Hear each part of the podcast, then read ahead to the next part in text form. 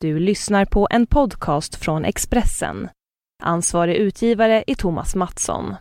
Fler poddar hittar du på expressen.se podcast och på iTunes.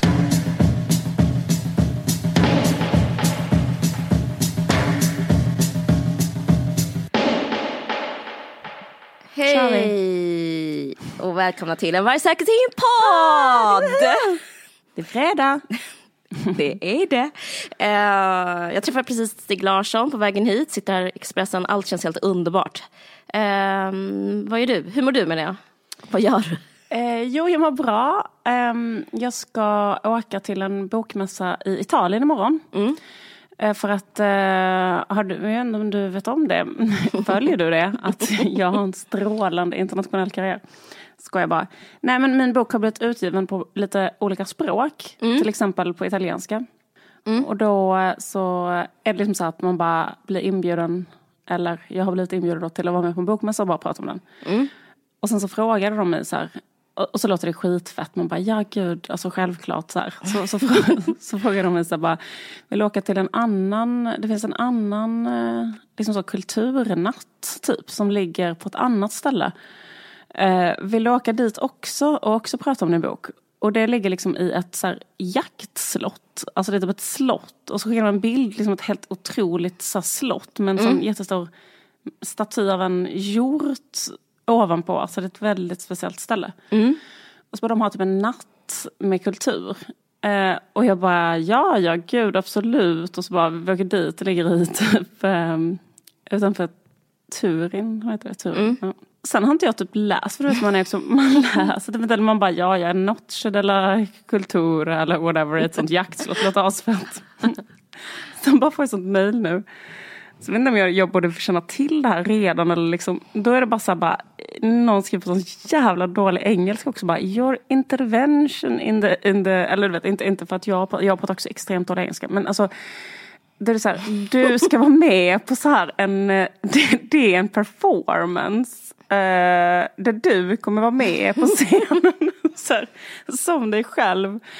Men det vill vara en symbolic groom. But you will be the symbolic bride. And there will be, det kommer vara som karaktärer. Det kommer vara så här, the child from the future. Alltså det kommer vara så här actors kommer vara på, på scenen i jaktslottet på natten. Shit. Det kommer vara liksom the, uh, uh, olika witnesses, alltså typ en symbolic room, alltså en, en symbolisk make om jag förstår saken mm. rätt. Och vittnen. Alltså, du ska alltså gifta dig?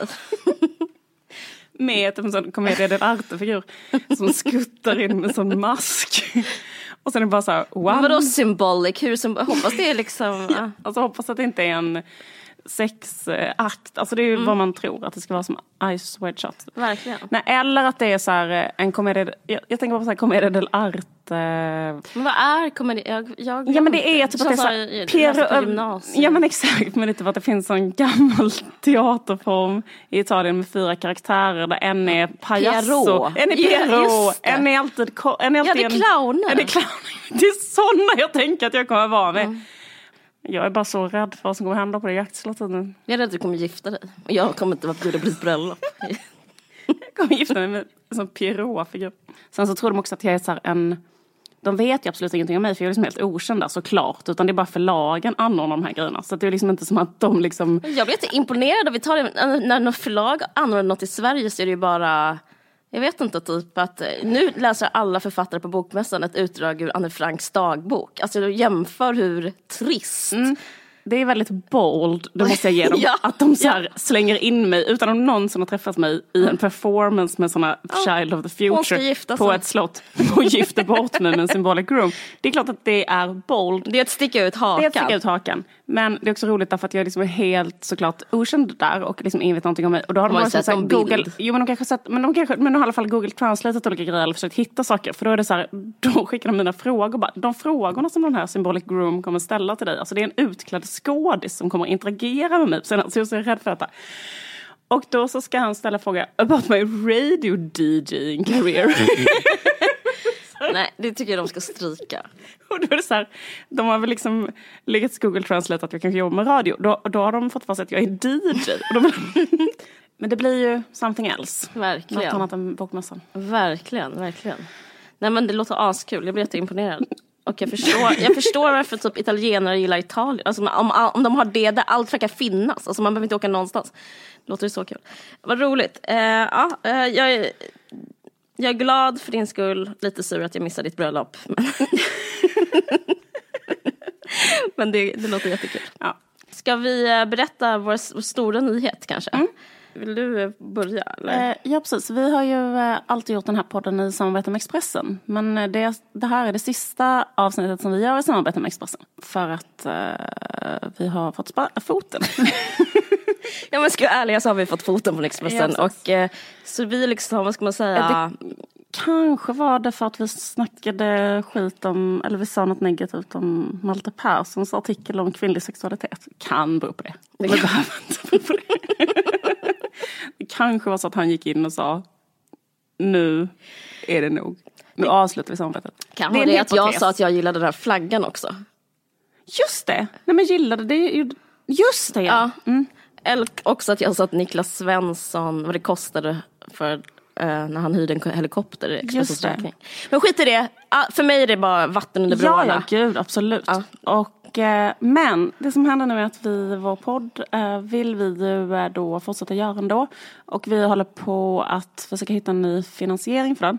Och det, det rullar på. Nej men Ja. det rullar ju på. Det, det gör det. Alltså grejen är, vi ska göra vår podd men den liksom svävar fritt kan man säga. Den En har, litet den har, tag. inte- Den har inget ankare Ja. än.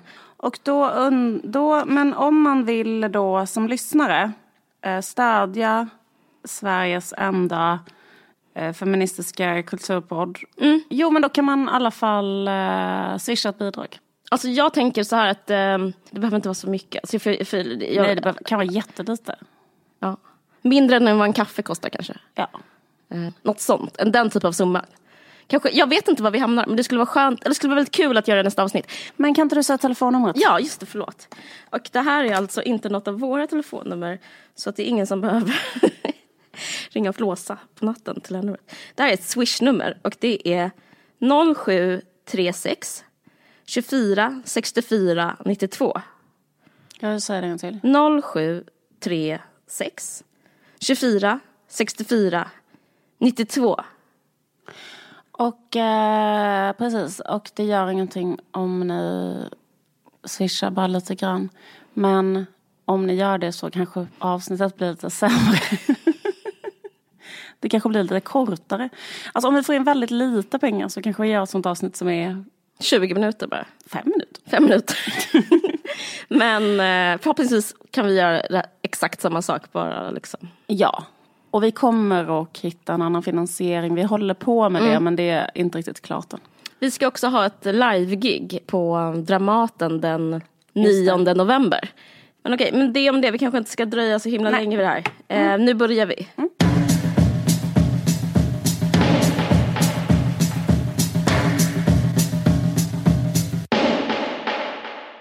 Vi har läst en bok som har kommit ut. Den kom ut typ förra månaden tror jag bara. Nej, den kanske kom ut eh, för lite länge sedan. Jag fick en kopia skickad till mig i våras. Är det samma som du fick? Okej. Men, men då slängde jag den för jag blev så provocerad. Jag trodde det bara var en um, någon, någon skit. Är det sant? Ja, så jag bara la, slängde soporna. Gud vad roligt. Så, så bara, ja, det, det var typ en slags smart titel. Kan inte du säga vad den heter? Den heter Därför är jag inte feminist. Ett feministiskt manifest. Det är jättekul att du slängde den. Du läste bara den första meningen. Jag läste bara omslaget. Ja, just det. Jag har inga bokhyllor hemma. Precis, då måste man rensa. Men i alla fall, det, det är en bok som är utgiven av en, en... eh, Jag blev faktiskt förvånad över att det finns... Alltså att Bokhora, eh, du vet sajten Bokhora, är inte upp, måste ju då vara att den inte är upp, alltså det namnet är inte påhittat av dem. Utan att det finns en i USA som heter Bookslut. För det är som den här författaren, hennes claim to fame är att hon har startat bokbloggen Bookslut. Skämtar du med mig? Nej. Det är så mycket fenomen, Caroline, som är stulna från USA i Sverige. Alltså bara för att folk i Sverige har så dålig koll. Så typ 90 procent av all så populärkultur är bara typ översatt. Alltså, förstår du menar? Eller väldigt mycket. Och det är så, alltså, det är en bisak. A wolf seeks his pod. Den finns. Den finns, den är jättebra. Skit i det. Ja men, Vi eh, tar alla våra ämnen från den på den också. Hur som helst, Ja. eh, boken är skriven av en person som heter Jessa Crispin som har startat eh, bokbloggen Bebuxlat. Mm. Och är det det från, refererar hela tiden att hon är liksom, har någonting med, att göra med förlagsvärlden? Är det, är det ett bokförlag då? Eller? För hon, Hon är författare, skribent och grundare och redaktör för nättidningen Buxlat. Ja, okej. ja. För Hon bara i förlagsvärlden. Jag trodde hon var så högt uppsatt på ett stort för, förlag. Förlag. Ja, det, det vet Ja. inte jag Nej. exakt vad hon har för roll. Nej. Men hon, hon, eh, hon har skrivit i alla fall en bok som heter Därför är jag inte feminist. Ett feministiskt manifest. Och det är liksom en debattbok där hon kritiserar modern feminism eller hur feminismen har utvecklats. Mm. Jag tycker det är ganska intressant för att hon är född samma år som mig. Hon är född 1978. Mm. Eh, Så att eh, jag känner igen mig jättemycket i liksom hennes beskrivning av feminismens utveckling. Mm. Alltså, jag vet inte om det är många som kommer ihåg det men det har ju liksom hänt väldigt mycket ändå. För att om man tänker sig hur det var att vara feminist på 90-talet Mm. Och hur det är att vara feminist idag. Liksom. Så d- det som hon menar på, liksom, hennes verklighetsbeskrivning som jag också faktiskt tycker har ganska mycket bäring i Sverige. Mm. De har ju glömt idag men liksom på 90-talet var det så här, dels var det så här att det var mycket mer då ovanligt att kalla sig feminist. Att liksom, om man gjorde det så liksom offrade man någonting. Alltså typ eh, i väldigt stor utsträckning att det var så här, eh, som en social paria typ att vara det. Eller att det var så här, ehm, Det var liksom ännu inte omhuldat Nej. som det är idag. Får man Säga. Precis. Och det var ännu inte kommersialiserat. Men vi kan gå in på det mer sen. Nej men precis, exakt. Och sen så liksom eh, var det också så här en, eh, en grej att, att många som då för tiden var så här stora stjärnor eh, minns jag att de ofta uttalade sig så här aggressivt mot feminism. Alltså typ så här, jag kommer ihåg den här eh, artisten eh, Pandora som var en 90-tals eurodisco-artist. Att hon kanske var med i Veckorevyn. Och då sa hon så här, eh, feminister är sura kärringar som inte har fått sig ett skjut. Till exempel. Men då liksom att hennes motsvarighet idag, alltså typ en, eh, en stor känd artist idag i Sverige, liksom är feminist. Det har liksom blivit mycket mer eh, omhuldat, så är, eller mainstream helt enkelt, Ja. eller att det omfattar fler och fler människor. Och på den tiden, på 90-talet, så var det ju väldigt mycket också så att de som var feminister, ihåg, det är någon av de första som liksom kom ut som en sån slags mediefeminist, det var hon Linda Skugge som var en eh, krönikör. Och i hennes krönikor så handlar det väldigt mycket om att hon gick i polemik mot kvinnor som var typ plastikopererade och blonda och så här. Hon skrev typ så här hatkrönikor jättemycket om Linda Rosing som var en person som också var känd på 90-talet. Som, Ja. eh, som var med i Big Brother, som Ja. var en dokusåpa. Och det var liksom slits-tjejer och feminister liksom kritiserade dem, var ganska dömande mot dem. Eh, det var typ så fel att eh, vara sminkad och plastikopererad enligt feminister på 90-talet. Alltså feminister var kanske liksom strängare och mer au contraire med samhället. Liksom. Men sen känns det ändå som att så här, eh, det hon beskriver då är liksom att eh, det har blivit mer så att liksom vem som helst eller alla kan liksom kalla sig feminist. Och Man behöver inte så här, typ alla sådana som på 90-talet hade kallats för Alltså att det hade funnits en polemik eller en kritik mot, mot det de idealen de marknadsför och så. De är, säger då att de är feminister. Jag tycker typ Kissy är väl ett bra exempel på det.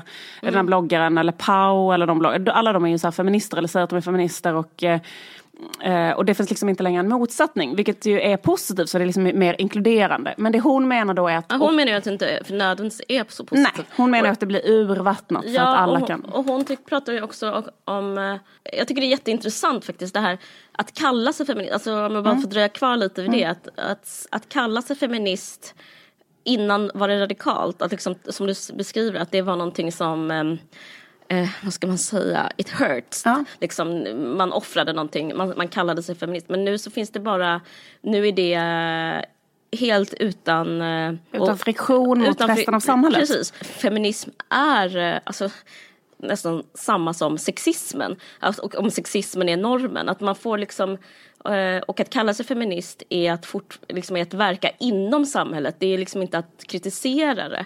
Jag tycker det var väldigt intressant, för jag har faktiskt inte tänkt på själv att eh, därför finns det, är det så lätt för alla och det finns bara att vinna på det. Att det är liksom, om man tänker så här, hon går ju tillbaka lite till suffragetterna, liksom, att det, de vann, ingen vann på, på att liksom må så dåligt, typ hungerstrejka, hålla på, dödas av en häst, hela, hela balletten. Men liksom, nu så mm, har det fler som kallar sig feminist desto mindre förlorar man. Och liksom, men att det stannar där vid, att det inte finns någon eh, det är inte filosofiskt och, och, feminister blir arga om andra inte kallar sig feminister. Också bara för att kalla sig det. Jag tycker mm. det jag tänker så otroligt mycket på Beyoncé och typ H&M har ju liksom alla så stora kommersiella företag har, som, är, som har gått till så sexismens, kommersialismens, konsumismens, kapitalismens liksom de är fanbärare, mm. eh, har anammat feminism. Mm. För det är bara, och då är det, då är inte feminism något radikalt längre. Nej, precis. Det är rätt så skönt att läsa. Jag har typ inte läst det någonstans riktigt. Jag tycker det var liksom rätt så... Ja, alltså jag eh. tycker så att, att uh, kritiken jättemycket behövs men mm. att boken är inte så bra skriven. Så att Liksom, eh, den är otrolig, alltså det känns som att hon har skrivit den på en timme, ja. hela boken. Och sen också att hon typ säger emot sig själv tycker jag också, mm. lite liksom resonemangen inte är så klara och så. Men alltså en, jag tycker, jag tycker så här, det som jag tyckte var mest eh, LOL mm. på något sätt och bäst, så här, hon skriver så här att eh, feminismen har blivit liksom en så här, en narcissistisk reflexiv tankeprocess där allt man gör är feministiskt ja. så länge man kallar sig för feminist. Mm. Så vad man än gör är man en hjälte. Mm. Och det tycker jag är så intressant bara för att om man kollar på till exempel eh, det känns som att jag pratar hela tiden om Fredagspodden, ber om ursäkt för det. Men jag tycker det är också ett exempel på detta då. Att, för då hade de ett eh, inslag i sitt förra avsnitt som handlade om att eh, de har en eh, så här, skönhetssalong ja. som de driver. Där man kan, vad heter det? Fan vad sjukt, du ska säga samma sak som jag. Ta bort håret från vad de kallar för fiffi. Men i vilket fall som helst så är det så att vi har på Sveavägen, på vår beautybar, mm. har vi en ny vaxtjej.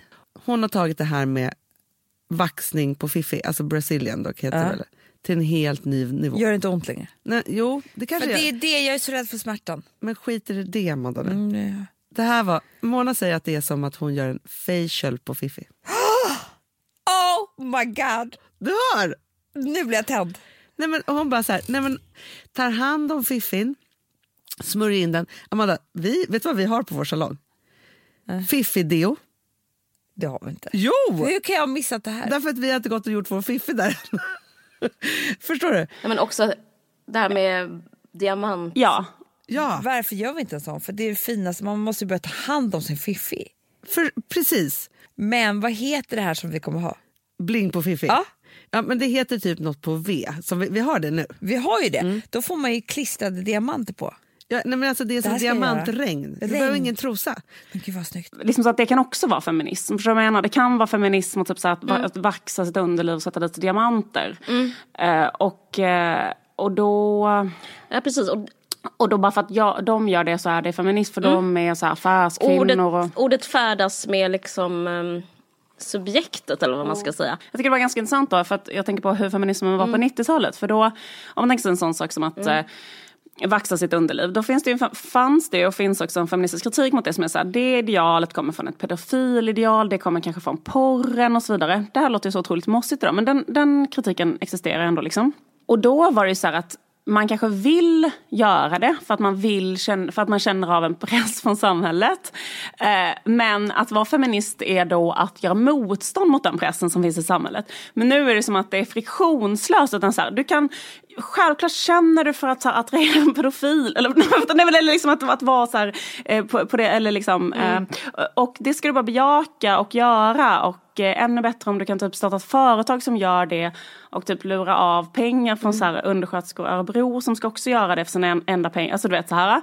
Och sen också kalla det för att det är en facial för sin fiffi och så. För att alla människor vet ju att ingen mm. människa behöver en facial eh, på sin fitta. Utan det är ju liksom ett så här självrenande system. Och eh, du, ja, det, är liksom, det, det finns liksom ja. ingen, eh, så här, finns inga yttre skäl att göra det. Nej men precis. Eller det är inte att ta hand om, så att, att sätta fast diamant. Alltså det är liksom... Nej men precis. Eh, nej, men jag reagerade väldigt mycket på det också. För att för man ska gå tillbaka till så här, jag vet inte vilken våg jag hamnade men egentligen skulle man bara kunna så här, citera Simone Beauvoir hur, man, hur hon tycker man ska så här, eh, prata med döttrar och söner. Att liksom, eh, för att så här, skapa subjekt i samhället ska man inte liksom objektifiera eh, det kvinnliga könet. Alltså man ska liksom hitta värden hos, den, hos det kvinnliga könet som inte har med utseendet att göra. För att man säger hela tiden till döttrar att de är söta och till pojkar att de är bra på typ, att göra någonting. Men jag, jag blev så väldigt konfunderad när jag hörde det där för att det handlar om att eh, Alltså det, det, är, det är att försvaga kvinnor.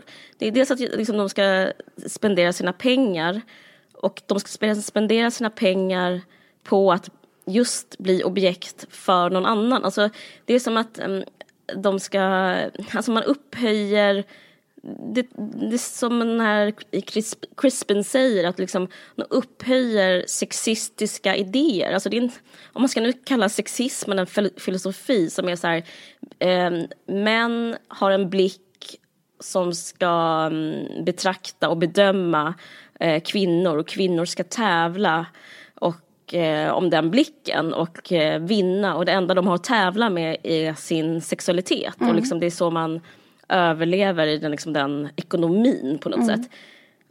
Och det är liksom det som Hanna och Amanda uppmuntrar till, alltså det är bara så här ren sexism, att bara ta liksom pengar, från, från, pengar från sig själva som man skulle kunna kanske, jag vet inte, starta, lägga in i och starta ett företag man nu är entreprenör. Jag- Det här behöver inte handla om vänster och höger. Jag men- menar så här, att man försvagas och för att liksom försvagas ännu mer, att liksom skapa ett objekt för någon annan. Alltså jag blev helt, jag blev helt bestört. Och också det sättet att ehm, att inte vara duga som kvinna eller människa. Att så här, man ska raka sin, sitt kön och könet är äckligt. just och könet ska liksom... Måste förbättras. Det ska förbättras och till och med könet ska förbättras.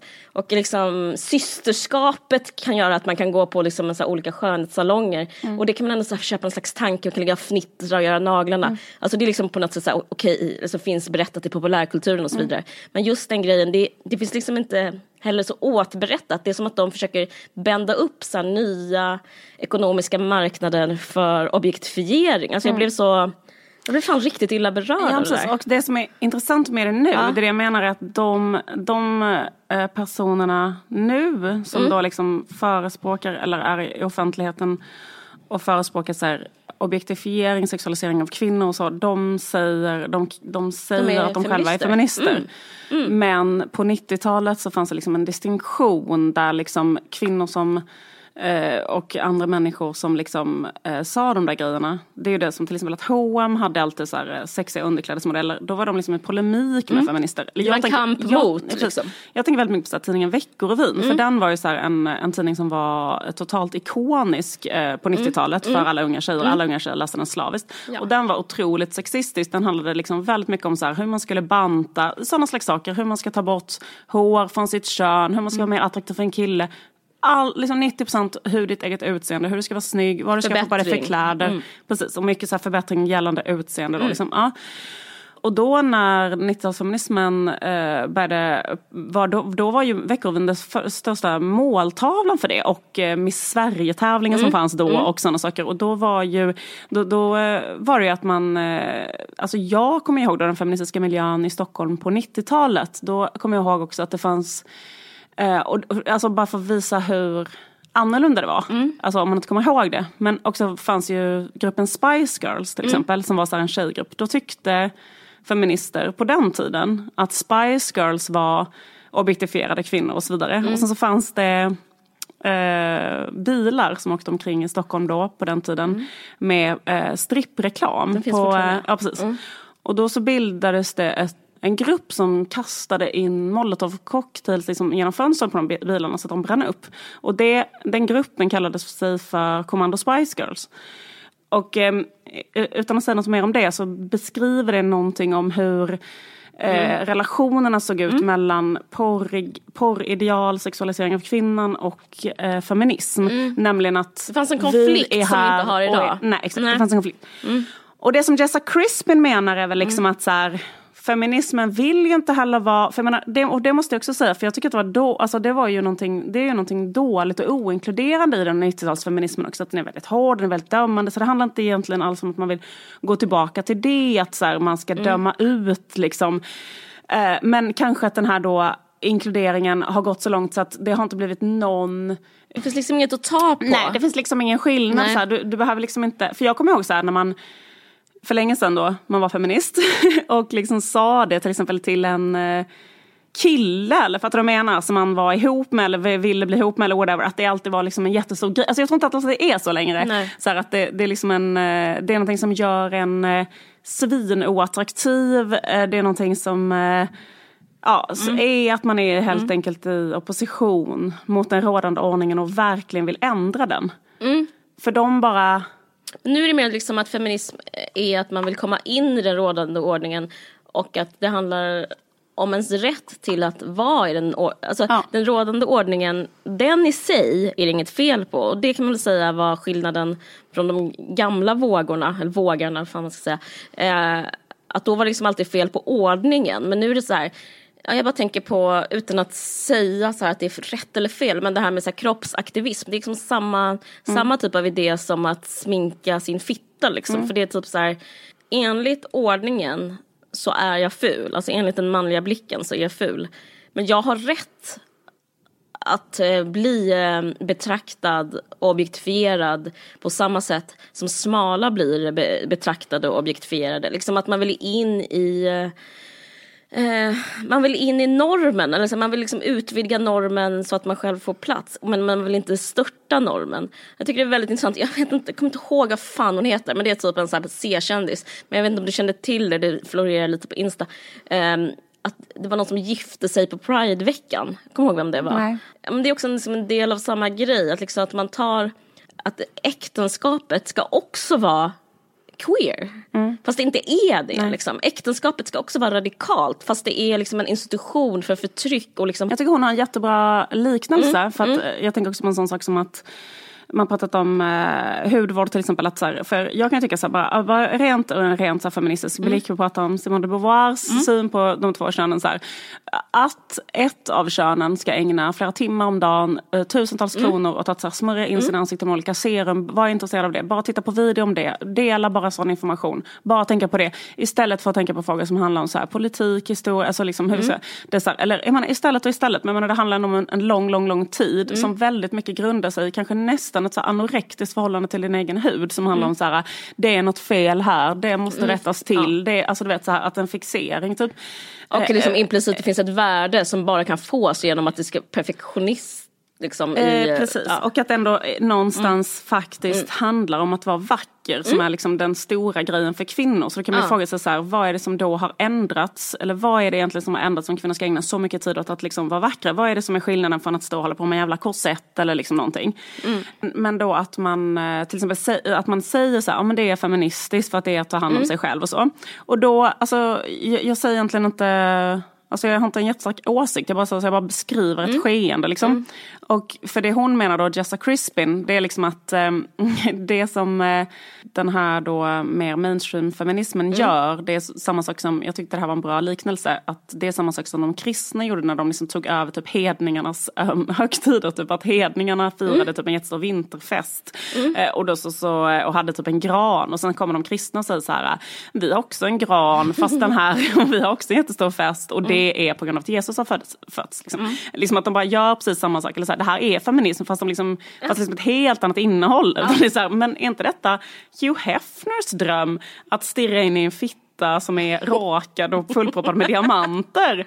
Eh, liksom, eh, och eh, har, inte du något, har inte du något härligare att göra på en timme än att ligga och bli fan torterad av en jävla vaxpapper? Eller fattar du vad jag menar? Och göra med dina 500 spänn eller ännu mer pengar. Alltså, du vet. Nej men grejen är att det finns liksom någonting som, det är inte clear cut, för grejen, eller clean cut. Grejen är att jag kan också så här lätt argumentera mot det.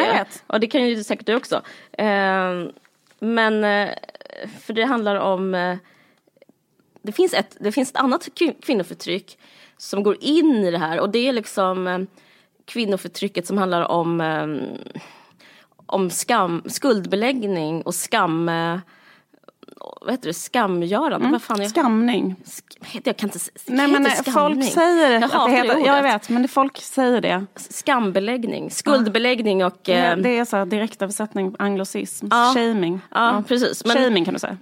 Ja precis, shaming. Och det är liksom, och det, det, det är där jag är helt med också. Jag skriver under på att det är typ en form av härskarteknik och att det är ett förtryck och att det får människor att eh, begränsa sig. Alltså att shamea folk för att så här, du beter dig ofeministiskt nu. Vad som helst liksom, shamea folk för att de ehm, gör något överhuvudtaget. För det är liksom också det som är svårt som kvinna, att eh, man inte får liksom utrymme, plats och eh, och typ, så, så, så, så därför kan jag förstå den rörelsen som är så här, ja men jag, eh, jag bara gör något med min fitta och nu är det diamanter på den. Och då blir det så här fel att vara den som säger att det är fel.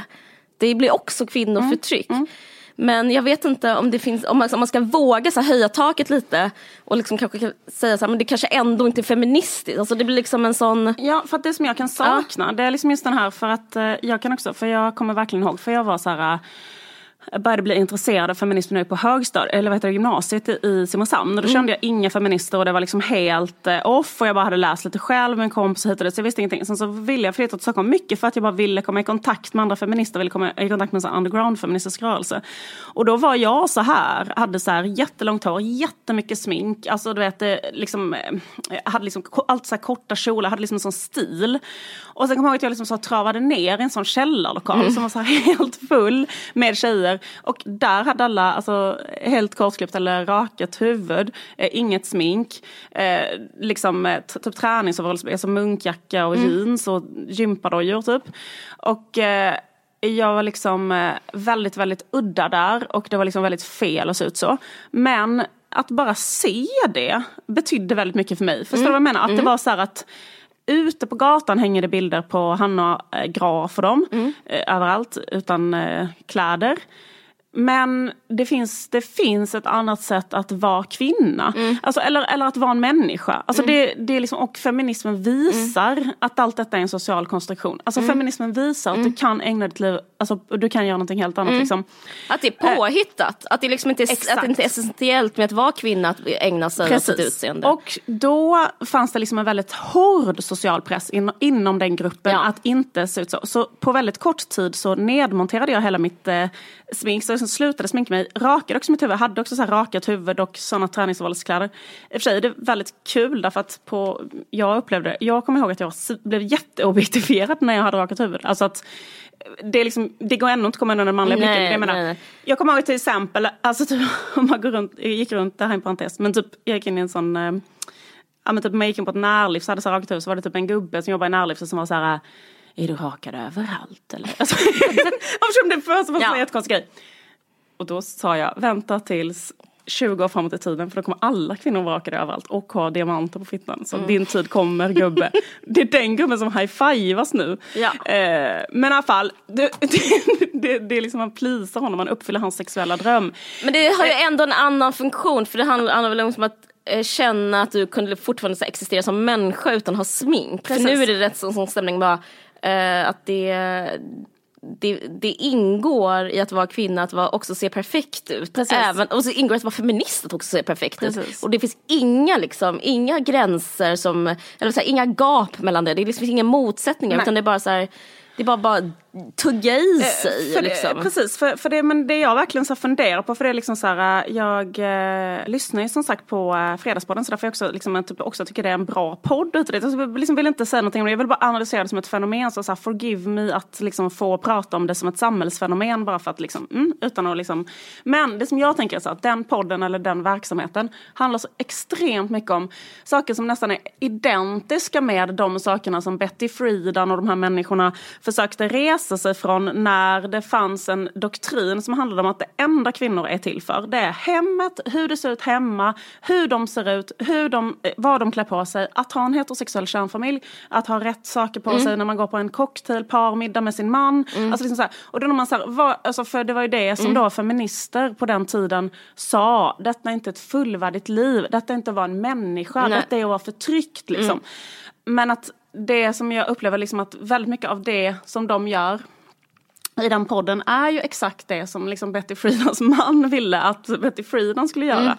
Men liksom det som är skillnaden, och detta berör ju också Jessa Crispin i sin bok, det är att de tjänar sina egna pengar. Ja. De tjänar osannolikt mycket pengar på att marknadsföra den grejen. Och det är det som är feministiskt liksom, i det, som de säger. Och det är ju det som hon är då liksom kritisk mot, eller som hon säger liksom att en grupp kvinnor kan Alltså hon är inte pengar... kritisk mot det men vad man liksom eller alltså, Jo men hon är ju ändå kritisk mot att, så här, typ att man, kan, så här, man kan ju köpa sig loss från Ja, patriarkatet. det är det hon. Ja, det är det jag menar för att om man har liksom en städhjälp till exempel då behöver man inte ha det är andra som blir kvinnan eller marginaliserad liksom, Precis. eller vad man ska säga. Så, eh, Så att man blir förtryckaren. Ja, man blir liksom, man säljer eh, Betty Friedans mans eh, dröm och Mm. den här gubben i jourlivsets dröm om vad en kvinna ska vara. Mm. Och Hefs. och Hugh Hefners dröm. Och eh, samtidigt så Eh, Tjänar man på det? eh, Man tjänar är det. också Men- Hugh Hefner. Ja, precis, så därför så är man också Hugh Hefner. Så det är det som är skillnaden. Och där kan man ju se det, om man vill, som en framsteg för kvinnor. För det tänkte jag faktiskt också på. För vad som är skillnaden tycker jag så mellan 90-talet när det satt liksom typ en gubbe och tjänade pengar på Veckorevyn. Så nu är ju ändå, då är det liksom ändå typ så här, unga tjejer har ju ersatt Veckorevyn idag. Det är ju liksom kanske Blondinbella, alltså egna bloggare. De driver istället sin egna affärsimperium, de liksom bla bla bla. Så att de får liksom ändå degen själva och kan liksom i, i eh, stor utsträckning eh, liksom casha in. Och det, eller typ att så här, Så makten, eh, eller liksom, det, det, det, har ju ändå, det har ju ändå blivit en grej. Att de kan liksom bli så pass rika på det. Men sen om man är då mer Det finns ju, det, det finns inget, det som är grejen är att det finns inget systemkritiskt i det överhuvudtaget. Alltså Nej. ingenting har ändrats förutom att de tjejerna också kan bli liksom rika eller så. Ja. Alltså, ja, men det finns ju, in- alltså, jag tyckte hon pratade om det rätt så bra. Att liksom att makten är så här, alltså det finns ju en klyscha, alltså ett uttryck som är makt korrumperar och det är liksom, det säger, hon, har, hon skriver inte ut det men hon, hon skriver ungefär samma sak, att om man väl är inne, om man väl är Hugh Hefner, då så finns det ingen poäng att kämpa mot vad vi pratade om i början, att så här, kämpa mot en eh, rådande norm eller en ordning. För om man är längst upp i den ordningen så njuter man av privilegierna på den ordningen. Och det är det som egentligen hon kritiserar upplever jag, att hon, alltså Jessica Crispin, att hon säger att vad finns ehm, ansvaret hos feminism? Alltså en sak är att kalla sig feminist, men vad är nästa steg? Vad ska vi göra med den här så kallad empowerment som Beyoncé till exempel pratar om? Vad ska vi göra med girl power? Vad ska vi göra med liksom kapitalet? Och då känner jag av en så här depression från eh, författaren som är så här, ja, vet ni vad ni gjorde? Ni gjorde exakt samma sak som alla andra. Eh, Blondinbella kränger LCC, hennes liksom, skönhetsprodukter. De kränger de, liksom Daisy Grace eh, skönhetssalong. Alltså det är liksom samma idé. Och det känns som en, bara som, som en besvikelse. Och jag vet inte vad man ska säga om det. Men det är som Jag tycker det är att, ganska kul med just Blondinbella för att hon har ju sagt jättemånga gånger också så att hon inte själv är intresserad av skönhet och mode. Att hon aldrig varit det. ja, Eh, alltså, alltså att hon är intresserad av, av alltså för att fast hon fattar att det är det Ja. som hon måste sälja liksom så här, men hon, alltså jag menar i en värld Mm. där inte, så hade inte hon behövt hålla på Nej, det. men precis. Men grejen är att det blir också så svårt att kritisera individer. Men, Ja, ja. Men, ehm, alltså, men grejen är att det beteendet, att när man väl skulle kunna förändra, alltså när man väl liksom är lika, alltså man får makt med pengar, liksom, det får man bara erkänna och titta sig omkring. Att är- man, folk lyssnar på när man har pengar, man kan köpa utrymme, bla bla bla, skitsamma. Men det som händer då, är att man bara kopierar normen igen. Och då blir det ingen förändring. Och det är därför hon säger, men de som säger, de som är där uppe och liksom kopierar liksom olika vd-personer, de, är ju, de kallar sig feminister. Så därför behöver vi Uh, antingen, antingen ett annat namn för de som, vi behöver fortfarande folk som kritiserar själva makten och kritiserar, liksom, kritiserar de som är, jag vet inte, jag tänker på hon, uh, vad heter hon, fan heter hon, en sån indisk uh, Spivak. Ja just det, Ja, Gayatri Spivak. Ja. Ja, att prata om, eh, hon pratar väl om att eh, se sina egna privilegier. Att det är bara så man kan förändras. För det, Hon menar att man ska använda sina privilegier för att avskaffa den ordning som gjorde att man kom dit man är. ja men precis, men här ja, så är det ingen som vill avskaffa privilegierna. För så fort de är längst upp på, på liksom näringskedjan så bara vill de njuta av privilegierna. Och det är liksom, det är också så här, ja det fattar, Så- självklart. alla vill Ja. det. Och det, liksom, det blir också så här, det tycker jag faktiskt hon tar upp i boken. Så här, ja,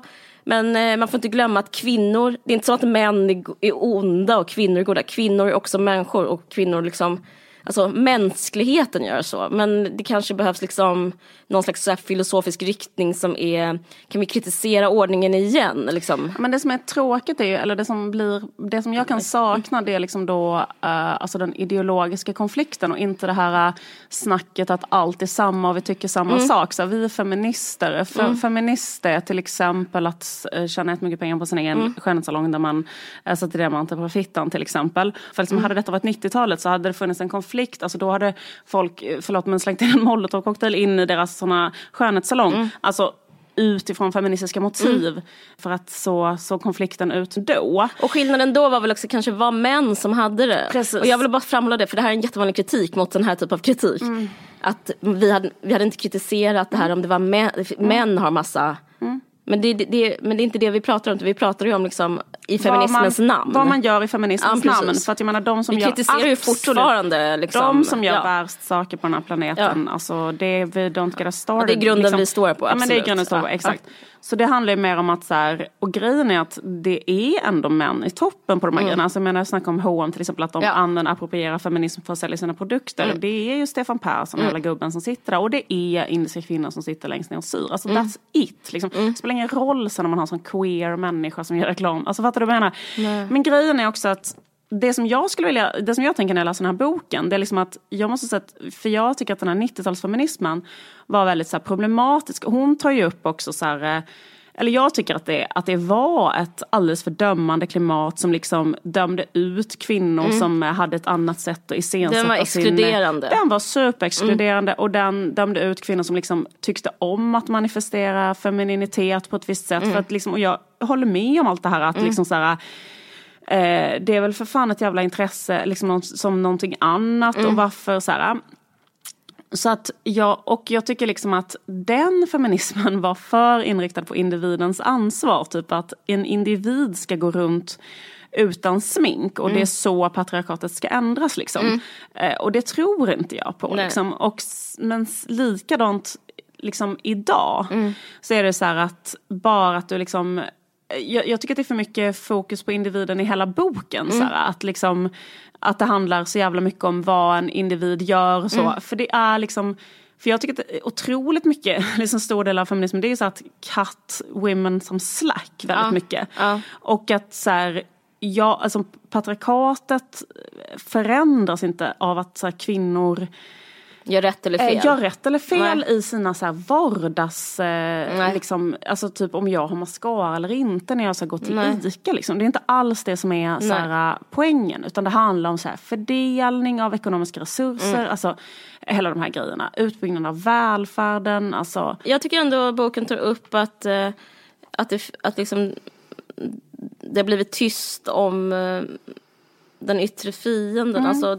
tyst om det, det systemet som skapade eh, förtryck från första början. Alltså att, att det är det som är bokens hela liksom förtjänst. Att liksom, vad är den eh, kritiken mot eh, mot, jag vet inte, kanske klassamhället då liksom. Att det handlar om Eh, hon kommer från USA som har skrivit det här. Men liksom, det spelar ingen roll typ, att en vit, rik kvinna är feminist eh, i USA så länge det finns så mexikaner som eh, typ sla, som, som är, är slavar. Alltså det är liksom, och, och det är kanske det som eh, eller jag upplever att det är det som hon efterlyser. Att liksom, vi, vi har fortfarande ett sexistiskt system, bara för att vi är inne i det.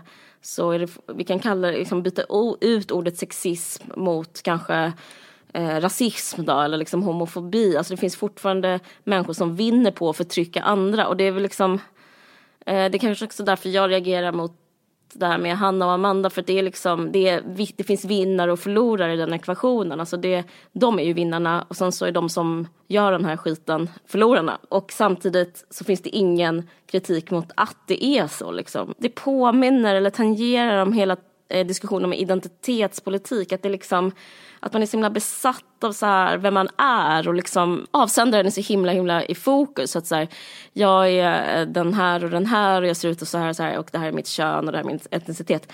Att det blir liksom, eh, att det, att det alltid är, är primärt istället för sekundärt och liksom eh, det, blir så, alltså, det blir så intellektuellt fattigt och liksom filosofiskt tunt att man inte liksom pratar om ja, liksom lite mer intellektuella idéer. Men jag vet inte, samtidigt så här, men kanske alltid har varit så. Det kanske så här är, jag vet inte, det, det kanske är det här som är att eh, eh, leva, eller vad man ska säga. Att inte, eh, samhället är väl inte vad man vill att det ska vara och det kanske inte är när någonsin har det så florerat filosofiska idéer som man kunde så bara liksom sträcka upp en hand och plocka och, och liksom så här vad intressant. Alltså det är liksom inte så.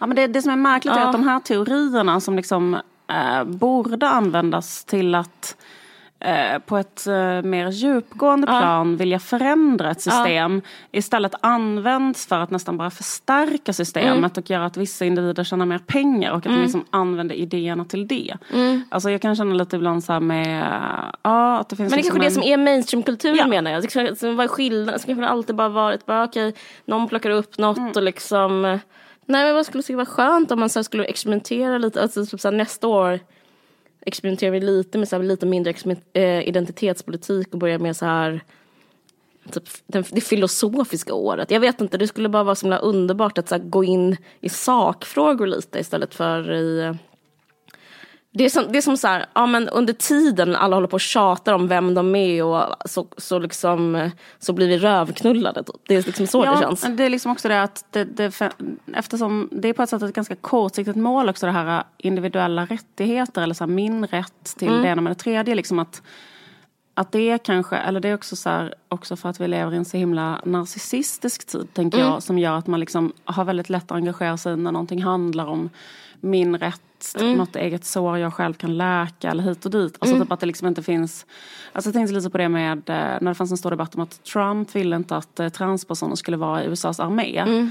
Och eh, det var för typ ett halvår sedan eller någonting. Och då var det väldigt många som postade så här I stand with liksom, trans people's right liksom så att, att vara i, i USAs armé och så. Men då är det också så här att USAs armé Alltså vad, de, vad den armén liksom symboliserar globalt, vad den har gjort och gör. Alltså hur många demokratiska regeringar den har störtat i Latinamerika till exempel. Eller förstår du vad jag menar? Hur många människor, alltså det är orsaken till att du är här idag. Jag Nej, men alltså, det har han gjort mot min pappa. Nej men liksom, ja men verkligen. Ja, det var verkligen. en, en Ja. demokratiskt vald president som blev störtad och det hände, samma sak hände Ja. i Guatemala och Nicaragua och samma sak händer idag på en massa ställen i världen. Och då blir jag lite så här, eh, alltså, en, alltså eller så här, jag, jag tycker that aside så blir det liksom att så här, jag, jag kan förstå, alltså, jag tycker att alla människor, det är ju en liberal rättighet att alla människor ska ha rätt att göra vad som helst i ett samhälle. Men det jag inte förstår är varför vänsteraktivister eh, postar eh, support för att människor ska eh, delta i vad som är liksom en imperialistisk så här, krigsmaskin som, ja,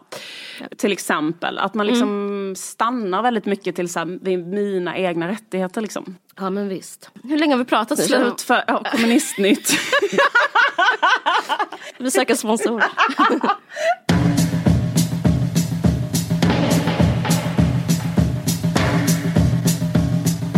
Så, tack för att ni lyssnat. Och om ni vill att vi ska typ göra två avsnitt till eller ett så kan ni swisha ett pyttelitet bidrag till 0736 24 64 92 0736 24 64 92. Det här blir vårt sista avsnitt tillsammans med Expressen Kultur. Och vi tackar för ett gott samarbete. ha det så bra. Vi hörs. Du har lyssnat på en podcast från Expressen. Ansvarig utgivare är Thomas Mattsson. Fler poddar hittar du på expressen.se podcast och på iTunes.